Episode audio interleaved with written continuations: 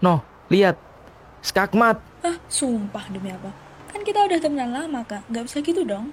Lah, terus apa hubungannya, Kak? Di mana-mana nih, eh. gue kasih tahu sama lu.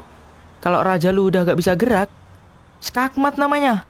Ih, awas lu ya. Utang lu nggak jadi gue anggap lunas lu. Woi, gak bisa gitu dong. Nggak, nggak, nggak. Lu yang salah.